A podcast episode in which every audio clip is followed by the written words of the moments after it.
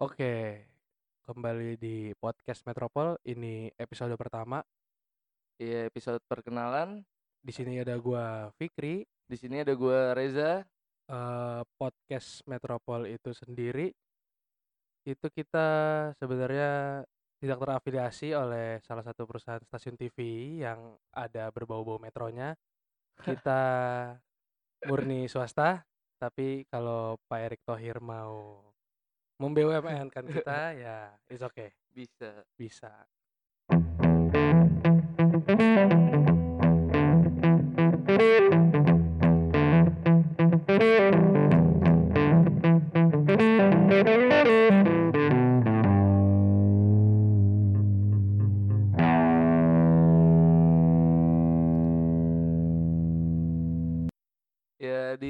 Podcast Metropol ini juga kita bakalan ngundang bintang tamu-bintang tamu yang unexpected.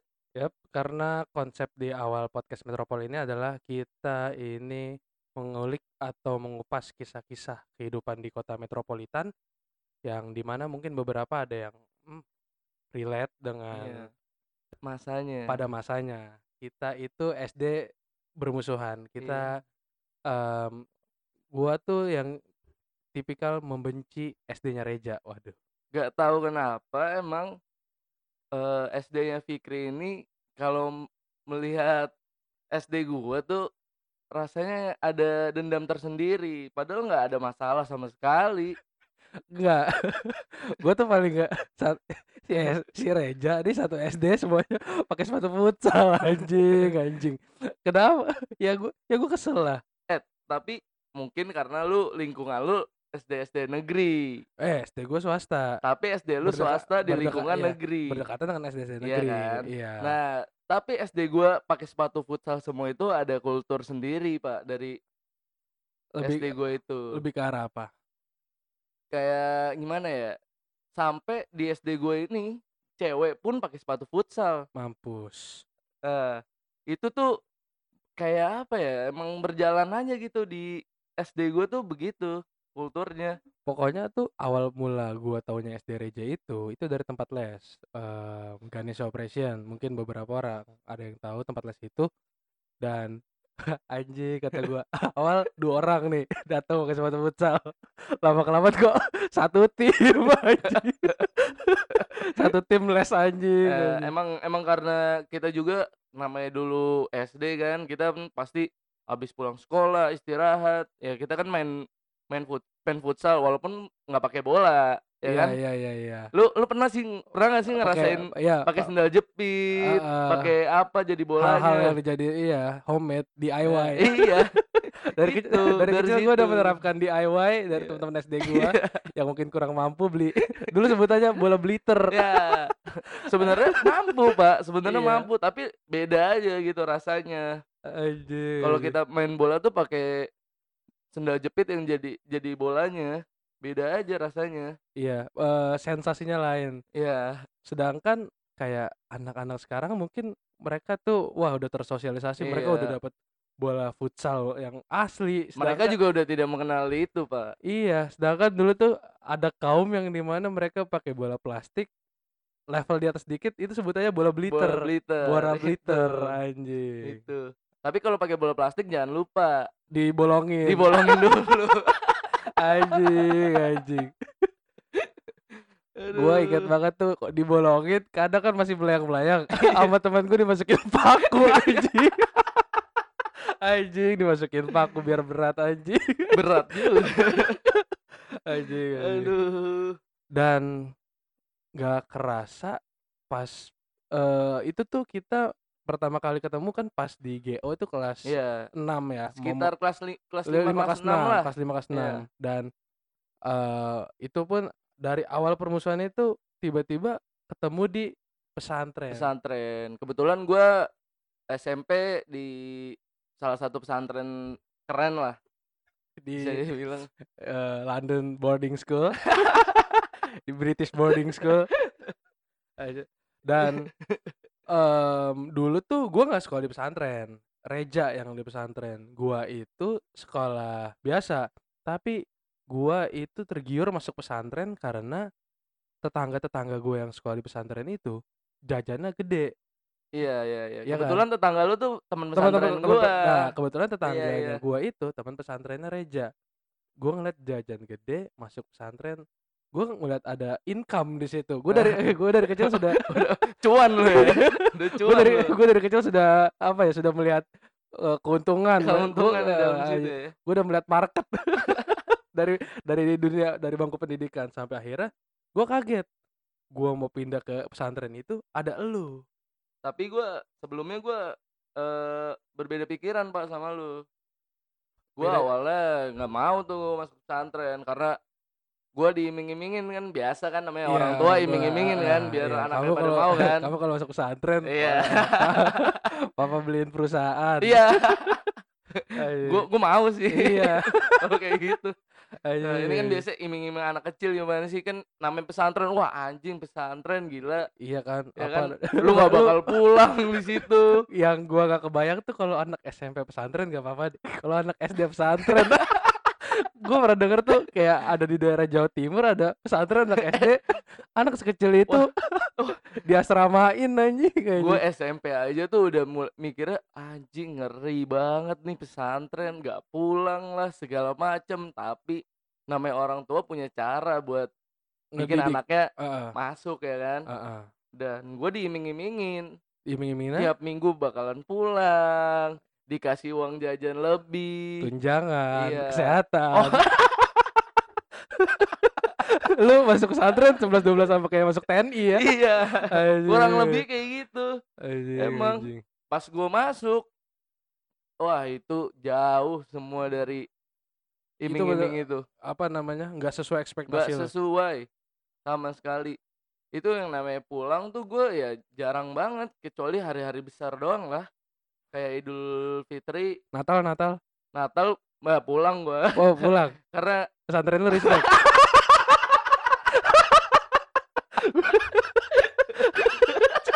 Cuma sekedar pesantren lu respect anjing. Gua kira pesantren lu ngikutin tanggal merah anjing. kayak gitu pak Oh, tapi Natal pulang. Natal pulang pulang Tahun baru tahun baru enggak tahun oh ta- tahun jadi liburnya itu di setting seba, eh, gimana mungkin tahun baru tuh pasti di pesantren. pesantren Tahun baru Islam tahun baru Islam tetap di pesantren. pesantren pesantren. Iya. Anjir. Em, apa namanya yang gua pernah denger itu lu tuh liburnya hari Jumat ya? Iya, kalau di pesantren tuh biasanya sih, biasanya yang anak-anak pesantren pasti juga pada tahu nih, ya Libur kan? Heeh. Jadi libur Oh, berarti- itu di hari Jumat kalau biasanya anak pesantren. seluruh networking pesantren se Iya, kemungkinan Asia besar Tenggara ya kemungkinan besar di Asia Tenggara bahkan di Asia, Afrika, semua semua pesantren pesantren. libur hari Jumat. Libur hari Jumat tapi eh, hari Minggu tuh mereka tetap sekolah tapi setengah hari. Alasannya Mengikuti eh, kultur Arab, men. eh apa sih namanya? Eh, Karena oh, di Arab tuh Ahad, Ahad. ya, karena Ahad. dia ya, karena di Arab tuh eh kayak sih kayak gitu. Ahad, Ahad tuh kalau di lu hari apa? Hari Minggu. Hari Hari Minggu. Minggu tuh Ahad, men. Oh, Ahad. Jumat tuh Jumat. Jumat ya. Berarti Ahad itu masuk hitungannya. Eh, iya masuk, tetap masuk. Jumat masuk eh eh Jumat libur, Minggu ma- masuk. Eh, Jumat libur, Sabtu tetap masuk. Eh, Lu di Minggu- mana sih pesantren? Ah, di Astra lu. kayak jadwal PT ya. Kenapa? Lagi di YKK Nggak, lu. Oh, kenapa enggak. kenapa hari Jumat libur? Itu karena eh kita kan sebagai Isla- seorang orang Islam kan Muslim Heeh. ada satu hari besar Itu hari Jumat. hari Jumat. Sholat Heeh. Jumat lu pernah sholat Jumat gak sih? Iya gue merasa sholat Jumat Maksud gue tuh kayak Apa namanya Mostly Sekolah Islam yang di Jakarta pun Gue lihat Mereka pun Disesuaiin gitu kan Jumat tetap masuk Kadang Mungkin ada beberapa sekolah muslim di Jakarta Sabtu Minggu kayaknya udah Libur kayak Iya, cuman Dulu kan kayak minggu doang. Itu ju- dulu juga di zaman gue sih, gue nggak tahu kalau sekarang kan gue udah nggak pernah nginjek-injek itu tempat lagi. Dan Gue tuh Yang paling gue Waktu itu yang Maksud gue tuh Yang paling gue cek pertama ma- Waktu masuk pesantren lu nih Gue pengen lihat kehidupan asramanya dulu nih. Karena gue eh gue kalau soal makan gue nggak milih-milih lah gue nggak picky banget gue kelihat terlihat dari postur tubuh gue tapi soal durasi makan nih, gua nggak gua tuh nggak terpaku yang pagi, siang, malam. Nah, kalau lu tuh gimana tuh durasi makan? Wah, kalau makanan di sana Jam-jamnya dibatasin kah atau gimana? enggak, kalau jam makan sih tetep, cuman lauknya aja, men. Lauknya? Lauknya menurut gua nggak Nggak nggak banget lah. lauknya apa? La la lauknya ada Aneh-aneh, di sana semua aneh-aneh. Pasti kalau orang-orang yang denger nih, orang-orang pesantren nih, iya, oh udah pasti udah relate. pasti banget deh ngerasain itu makanan-makanan aneh ada di pesantren. kenapa? Nggak nggak gua bingung kok pesantren itu korelasinya sama makanan aneh tuh maksudnya nasi nggak di nasi belum matang dikasih ke santri-santrinya. Nasi yang campur-campur batu. Anjing. Biasanya kelilipan di gigi. Lu iya iya ada iya, kalau batunya, kalau gigi ya kalau kan? ngegigit ada keras-kerasnya tuh. Nah, itu batu. Pertama terus lauk-lauk yang belum pernah lu lihat lah di luar-luar selain pesantren itu. Eee, tempe, tahu tempe udah Ya itu udah pasti itu ada. udah Itu template udah udah udah udah pasti ada pasti. Tapi kayak sayur-sayur apalah, gua nggak ngerti itu sayur apa, tapi ya mau nggak mau men gua makan juga. Nah, itu dia yang waktu itu gue pertimbangin kenapa akhirnya kayaknya gue belum siap masuk pesantren lu. Pertama karena nggak terima murid pindahan. Iya, pesantren gua nggak terima murid pindahan. Nggak terima murid pindahan, otomatis gue harus start ulang. Gue jadi adik kelas lu. Iya, Yang betul. yang di mana teman-teman SD lu tuh ada di di situ ada banyak yang Iya. gua musuhan sama SD lu, gue masuk jadi Iya. junior lu. Iya. Gue udah wah, menurut gua nggak nggak bener nih. Sampai pada akhirnya gua tetap stay di sekolah biasa, tap eee, di SMP biasa, tapi yang paling membekas di apa namanya, di relung hati gua nih anjing, itu ujian nasional. Apakah pesantren kalau umumnya nih, waktu di era angkatan gua, anak SMP itu pakai kunci jawaban. Wah, enggak. Kalau di pesantren gua sendiri, Lu kuncinya apa? Ikhtiar. ah, lebih ke ikhtiar. Oh. Ujian nasional tuh lebih ke Kuncinya, eee, ikhtiar. lebih ke ikhtiar. Iya, nggak ada tuh gua ket eee, kunci lah, apalah, KJ KJ nggak ada. Gua lebih ke doa, ngaji, dan ikhtiar sih pastinya.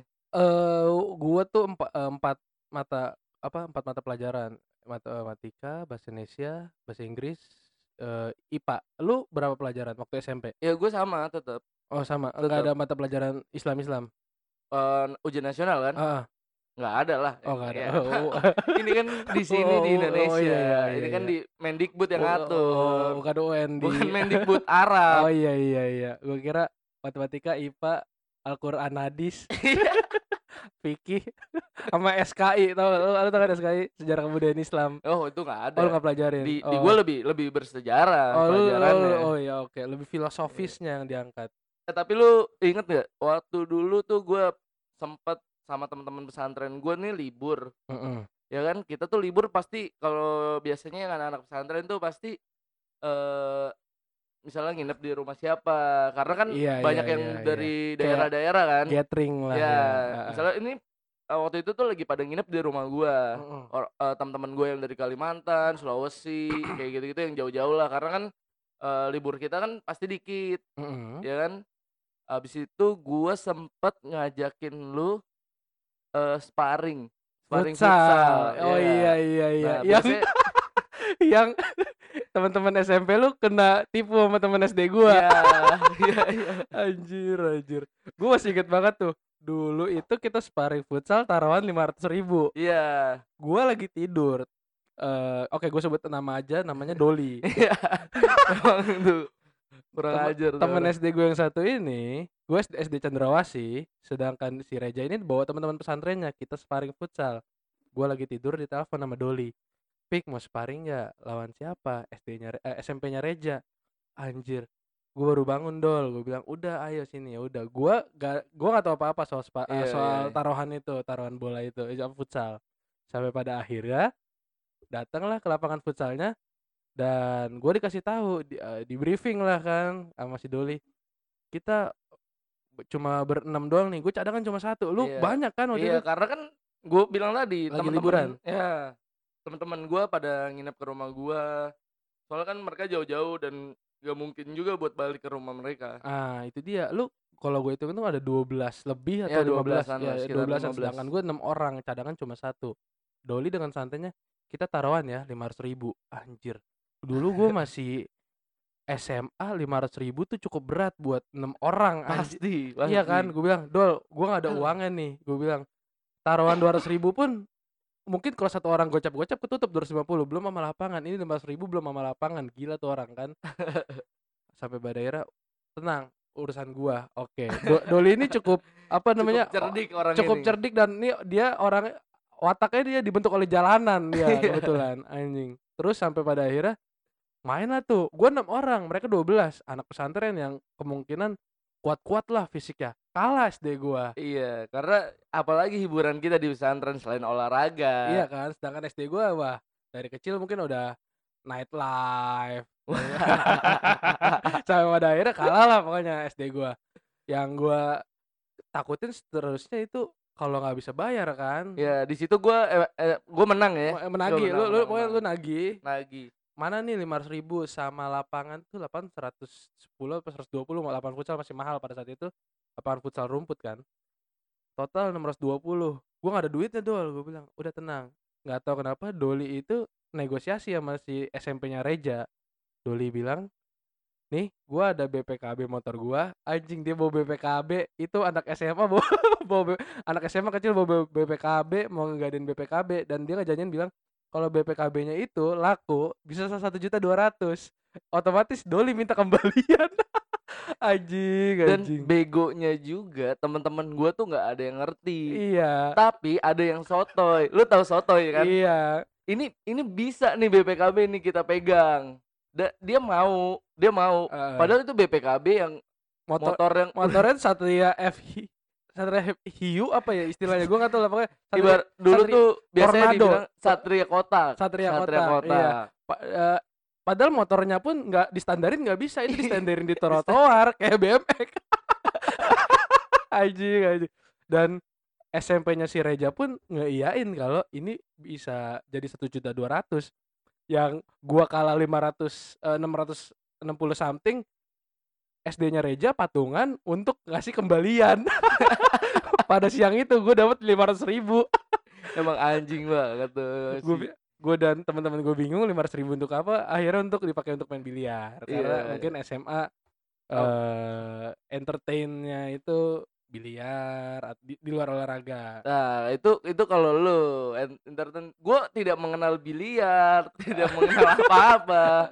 oh ya kalau kalau kalau anak pesantren tuh entertainnya apa pada saat itu Kalau gue itu cuma ya olahraga sih menurut gue itu udah paling menguras waktu lah.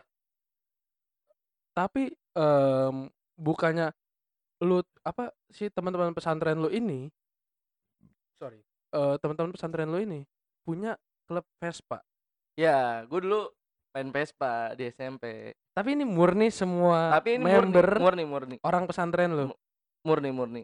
Bu- Ya, bukannya datang ke acara-acara tablik akbar justru lu ya Lu- masa kalau misalnya di dalam kita udah belajar tentang kayak gituan, masih di luar nggak ada hiburan lain, Pak. oh Kita gua, lebih cari ke sananya sih. gua kira tuh lebih ke kalau lu da- dalam udah ngambil ilmu nih lu implementasinya tuh di luar tuh lu dakwah lu, lu tetap mau jadi Iya. anak, anak jadi anak motor ya kalau kalau kayak gitu gue sekarang nggak lagi sama lu ngobrol-ngobrol Oh, berdua gini gue mungkin ada di Li- Libanon di mana Aduh, iya, perang. iya, iya, iya. oh tapi apa namanya eh, ada nggak diajarin ajarin di pesantren lu untuk mengarah ke arah-arah itu ya pastinya ada sih ada lah karena kan pesantren tuh ya eh, tapi balik lagi sih tergantung sama eh, diri kita juga. Pribadinya kan Iya. kalau kalau emang udah murni apa 100 dajal mah, 100% dra- dajal mah, iya. dihasut ke gimana pun ditawar gimana pun juga nggak ah nolak. Jangan kan jangan kan ngebom. Sholatnya nggak bisa. Apalagi itu ribet. Iya. Sampai Aduh. pada akhirnya oh, kalau waktu SMP gue pengen pindah ke SMP-nya Reja pas SMA kebalikannya Reja yang pengen pindah ke SMA gue karena gue udah wah gue ngerasa udah nggak banget lah di pesantren itu udah lebih ke muak lah ya Iya, lebih ke muak dan bosen kan. Masa gue SMA juga harus pesantren juga. Em, tapi ada berapa ada ada sempat berapa lama lu di pesantren? Lu SMA sempat Eh gue sempet sempet masih tetap di pesantren itu sekitar satu semester, Satu satu semester. semester. Itu juga gue isinya ya nggak sekolah. Eee, lebih kepada Ya gue di asrama aja udah. Satu semester itu di asrama doang? Iya. Eee, belajar gitu-gitu? Jarang-jarang sih. Jarang-jarang? Ya cabut lah ibaratnya, cabut sekolah. Oh, oke oke. Dan, eee, singkat cerita di SMA gue sama Reja nih SMA 2 Bekasi. Gua nggak gua nggak full di SMA 2 Bekasi, gue pindah karena karena ha lain hal yang, Karena mmm pemerintah Jepang minta Fikri untuk Karena pada saat itu Federasi Serikat Pekerja Pertamina meminta gue untuk, eee, membantu ya mungkin dan juga pemerintah Jepang pada saat itu yang meminta gue untuk pindah ketika gue kenaikan kelas 3. Tapi seenggaknya 2 tahun gue di SMA gue sama Reja ini banyak yang ah, pasti semua orang ngerasain lah gimana rasanya pas pengalaman pas SMA tuh Itu paling seru sih. Iya, Itu itu paling seru. heeh, itu part yang di mana setiap insan yang pernah SMA yang gua nggak tahu nih yang pakai C apa gimana nih. Yang pakai C yang pakai C juga relate apa enggak nih.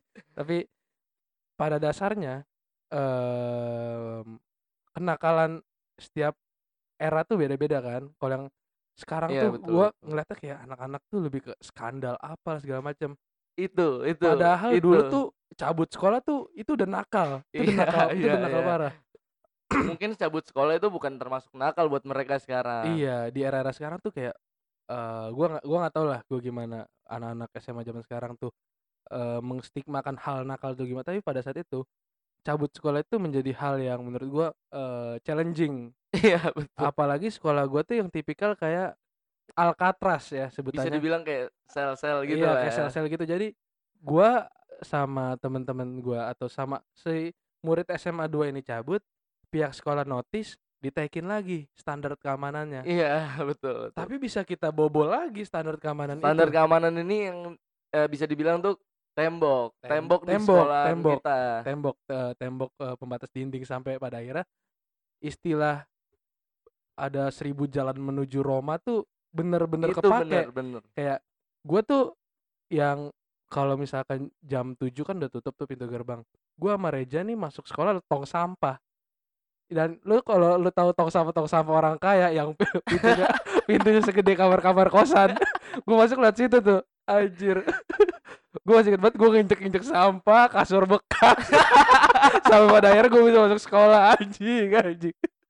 Bener-bener kayak, oh gini tuh ternyata masuk sekolah dengan perjuangan.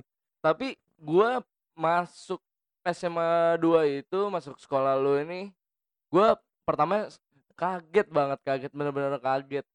Lebih ke arah apa kaget? Karena kan gua dari pesantren ya kan, Oh, iya iya, ya kan gua kaget apa, lah. transformasi lu Ya, menjadi masyarakat transformasi. sipil Iya iya kembali. iya iya iya. Sebelum kan TNI Polri. Untuk TNI Polri, mantap. Oh iya, TNI TNI Polri I love you. Jaya terus, bravo TNI, I love you. Iya, tapi gua kaget banget sih, kaget banget. Karena apa? Karena, eee, gimana sih, gua Lu biasa hidup dengan peraturan. ya sekarang bebas kan. Awal gua masuk sekolah itu gua langsung diajakin cabut. It Siapa siapa? itu itu gua paling inget banget karena cabutnya itu untuk nonton bola. Jadi SMA kita ini mau tanding, eee, waktu itu ada acara Pokari. Iya, oh iya Ya, iya ya iya kan, lu iya, inget kan? kejuaraan regional Iya. kota ya. Itu gua diajakin cabut karena sebagian besar temen gua tuh ada di SMA 2. Oke. Yang temen SD lah, ya kan? Eee, temen SMP ada Enggak. beberapa? Enggak ada? Nggak ada. Nah, ya udah akhirnya ya udahlah gua, anjir, kata gua kan gua karena karena gua dari pesantren yang ibaratnya dah lurus-lurus aja kan. Iya. Gua baru masuk sini langsung diajak cabut, wah gila ini. Dan itu lagi menguat-nguatnya tuh kultur supporter sekolah. Ya, Iya itu nggak? itu. Itu tuh kultur supporter sekolah tuh lagi nguat-nguatnya dan lu cabut pada saat itu? Gue cabut. Gua nggak tahu juga kalau gua pikir lagi kalau sekarang, mau ngapain juga gua cabut karena nonton bola. Iya iya. Oke lah kalau gua yang main, Iya kan? kalau gua nonton Mana aduh gua kagak enak sama pelatihnya tapi kita kalah mulu. Itu masalah kalah mulu itu dia. gua gak enak sama pelatihnya, pelatih, eee, senior gua juga, tapi ya tim futsal sekolah SMA 2 bagus pada masanya. Itu pertama soal cabut. Soal cabut. Soal Dan kedua soal lingkungan. Itu gua kaget. ini masih sesi transformasi dari Ya, ya kan masyarakat masih heeh, dari militer militer apa, ke mili heeh, militer ya. ke masyarakat sipil. sipil. Nah, itu gua kaget sama lingkungan, Mhm. ya kan. Menurut gua a gila ini orang-orang sini rebel banget ya kan. Parah parah. Ya kan? Kalau apa namanya, yang paling ngagetin apa tuh yang paling ngagetin? Dulu di SMA kita pernah ada nama eh, ka eee, pernah ada kakak kelas kita. Oh, iya gua gua gua main OO aja kan ke pasti setiap Tapi gua nggak mau harus punya kakak kelas dong. Iya, iya dong, pasti angkatan dong. pertama Iya kalau kan? iya iya iya iya. Nah, tapi gua nggak mau nyebutin namanya. Eee, Adalah apa salah satu kakak kelas kita. pakai pakai apa namanya, pakai inisial inisial. Jangan dong. Eee, ini deh, eee, sebut saja tapi sebut sebut saja sebut saja. Sebut saja bunga, sebut saja mawar. Eh, jangan Ya. jangan itu terlalu template, sebut saja apa gitu. Pokoknya adalah da Ah, iya, salah sa oke. eee, salah satu kakak kelas kita. Heeh. Ini orang menurut gua dia rebel banget di sekolah ini. El Patron, gua tahu nih Itu kayaknya. parah itu parah. Setiap hari selalu mabok di sekolah yang pertama, Oke. ya kan. Iya iya Itu iya. menurut gua udah, Gua udah gua udah gua udah gua udah sini bisa nebak kalau ini kalau gila sih. kalau katanya setiap hari udah mulai mabok, gua udah bisa melihat. Ini gila menurut gua. Ini Ini itu yang kan ibarat kata kan gua abis baru pindah dari pesantren ke sekolah negeri, oh ternyata gini sekolah negeri. iya. Ya kan? Kayak wah anjir gila. Dia mabok. Pada saat itu gue diajak ngerokok. Heeh. Karena di sekolah kita dulu biasanya A anak cowok-cowok o pada ngerokok di kamar mandi kamar mandi belakang. belakang ya kan. Gue ngerokok. Gue ngerokok sama angkatan gue di depan di depannya kebetulan kakak kelas kakak kelas Heeh. dan kebetulan ada dia. Si bunga ini, Ah, sebut itu saja bunga. ada dia. Gue ngerokok biasa kan kalau orang ngerokok biasa kan nggak mungkin Ngerokok ditarik terus nggak bisa nggak nggak tarik-tarik saat nggak kok kayak kayak hustle ya dong. nggak nggak nggak mungkin kan ngelihat ngelihat ke mana-mana ya kan Hmm. dan waktu itu gue dipanggil tuh kebetulan sama dia Oh. dipanggil dia ngomong gini ke gue lu ngapain ngeliatin gue mulu Mampus. Gue kaget dong ya kan? Gue kaget sama gue anak baru. Mungkin dia belum pernah ngeliat gue atau gimana. Atau ada Bawa apa kayak eh harus ada tatar lah gue di sini Iya atau iya gimana? gue iya. nggak ngerti. Dan Po gue masih ospek. polos banget kan pada Mhm. saat itu kan. Ya gue tanya enggak bang. Gue nggak ngeliat. Gue nggak ngeliatin lu. Gue bilang kayak gitu kan. Enggak bang, gua gua nggak ngelihat. Ternyata Buta lu ya. Ternyata. ternyata dia minta rokok ke gue Oh. Eh, pada saat itu kan gue emang nggak ada rokok gue mintalah ke temen gue gue kasih Heeh. nah terus tem- baru baru a- setelah kejadian itu gue baru tahu kalau dia orangnya seperti itu Oh, dia Jagger lah ya dia angkatannya. ya Jadi for your information si sebut saya si Bunga ini dia kelas 2 tapi seakan-akan dia itu mera apa, eee, merangkap jabatan dia juga kelas 3 juga. itu Iya, jadi kayak itu pada saat gue bukannya nggak respect sama teman-teman kelas 3 nih. mungkin mungkin tidak ada yang berani dengan Padahal dia iya, tidak ada yang bisa mengontrol perilaku dia. tapi pasti di sekolah kalian ada yang kayak gitu sih menurut gue Tapi mungkin yang bikin kagetnya karena Reja belum pernah ya karena gue merasakan tahu kan pesantren. Apalagi gue pernah Iya. dengar dia itu pernah malak supir angkot. itu itu. Sama mintain rokok ke supir truk. setelah kejadian itu besok paginya kan biasanya kita kalau misalnya mau masuk sekolah tuh bareng-bareng di tongkrongan kita dulu kan ngumpulnya kan parkir segala macem nongkrong. Pas mau masuk sekolah udah mobil jadi ada salah satu temen gua yang dipanggil sama dia. Dipanggil untuk nemenin dia. Padahal itu mau masuk sekolah. Itu Heeh. itu gua denger itu gua denger banget itu gua denger banget karena or kejadian itu di depan gua akhirnya gua masuk sama teman-teman gue yang lain masuk sekolah nah pas pulang ini gue tanyalah tuh ke temen dia ke temen gue yang dipanggil itu untuk nemenin itu heeh, kayak lu tahu juga kan si sebutnya kalau ini sebutnya namanya kali Iya. ya Ricky. Bukan. bukan Ricky Siapa? eh adalah teman kita pik yang dipanggil juga yang suruh nemenin untuk Uh, oh, di untuk menemani kegiatan dia.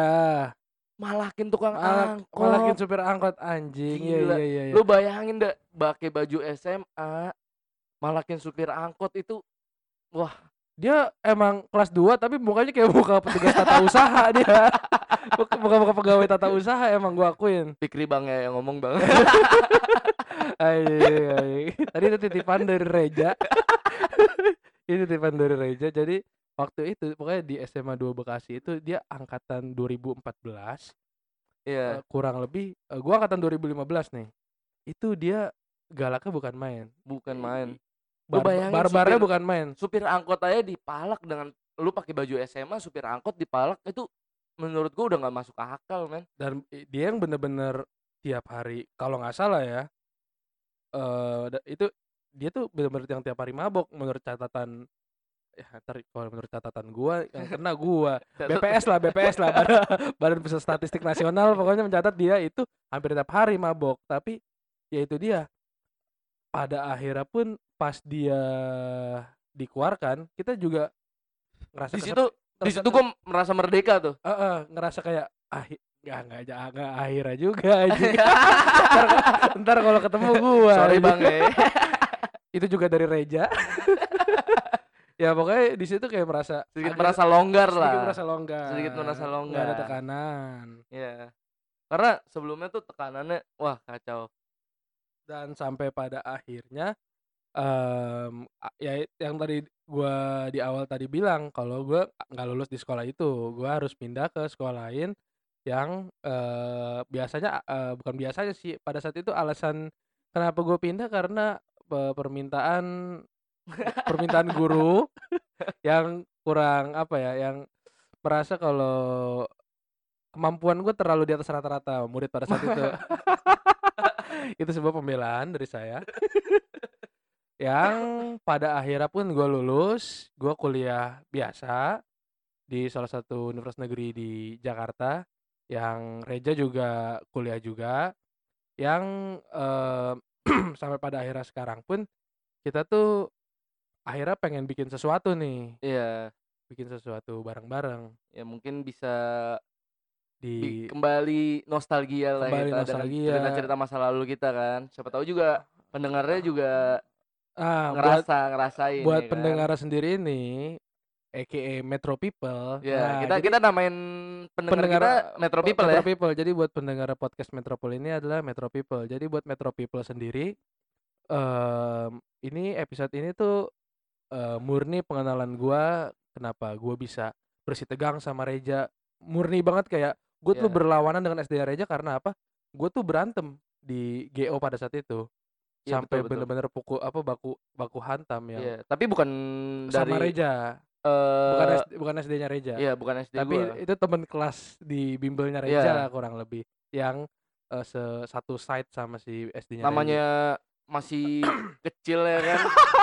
Orang kan namanya juga masih muda itu. Iya kan? Ini namanya juga masih kecil ya, Ya, kan. karena SD dong, oh, iya, SD dong. kecil, iya.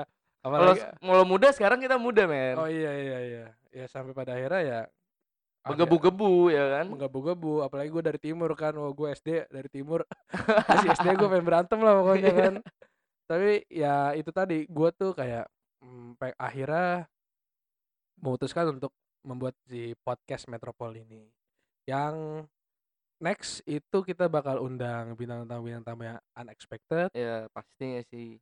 kita akan mengupas cerita-cerita yang based on experience-nya mereka sendiri. Gimana? Entah apakah mereka pernah ngerasain hal yang mungkin nggak mengenakan atau mereka pernah merasakan hal yang mungkin bisa diceritakan di podcast Metropol so stay tune di podcast Metropol untuk episode selanjutnya. Thank you Metro People. Thank you Metro People. gue Fikri. Gua Reza, pamit. Pamit. goodbye